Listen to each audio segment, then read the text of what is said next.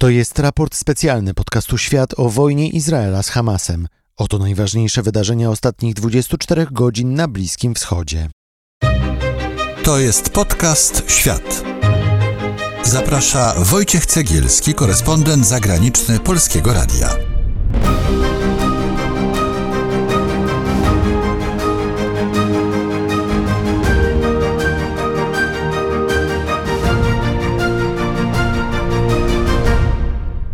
Jest wtorek, 14 listopada 2023 roku. Światowa Organizacja Zdrowia twierdzi, że największy szpital w Gazie przestał funkcjonować. W szpitalu Al-Shifa nie ma prądu, a nieliczne operacje wykonywane są przy świecach na podłodze. Budynki szpitala od kilku dni są otoczone przez izraelskie czołgi, a w środku jest według ONZ kilkanaście tysięcy ludzi. Chodzi zarówno o lekarzy, pacjentów, ale także cywilów, którzy schronili się tam kilka tygodni temu, gdy zaczęły się izraelskie bombardowania gazy. Izraelska armia twierdzi, że Palestyńczycy mogą wydostać się ze szpitala przez wschodnie wyjście, ale lekarze twierdzą, że izraelskie wojsko strzela do każdego, kto próbuje się wydostać. Światowa Organizacja Zdrowia twierdzi, że w szpitalu panuje brud, bo nikt nie ma odwagi wynieść śmieci na zewnątrz budynku.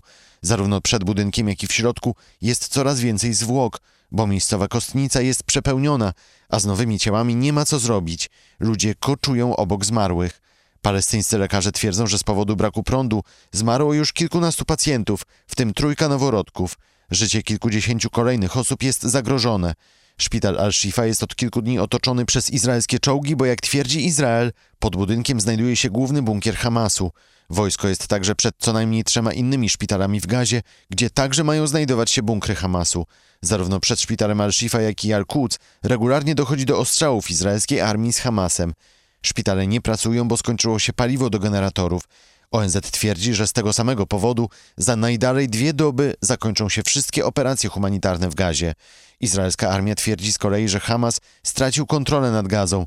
Minister obrony Galant powiedział, że islamscy fanatycy uciekają teraz z północy na południe, czyli z miejsc objętych najbardziej intensywnymi walkami. Według polityka ludzie w Gazie mają też rabować bazy Hamasu.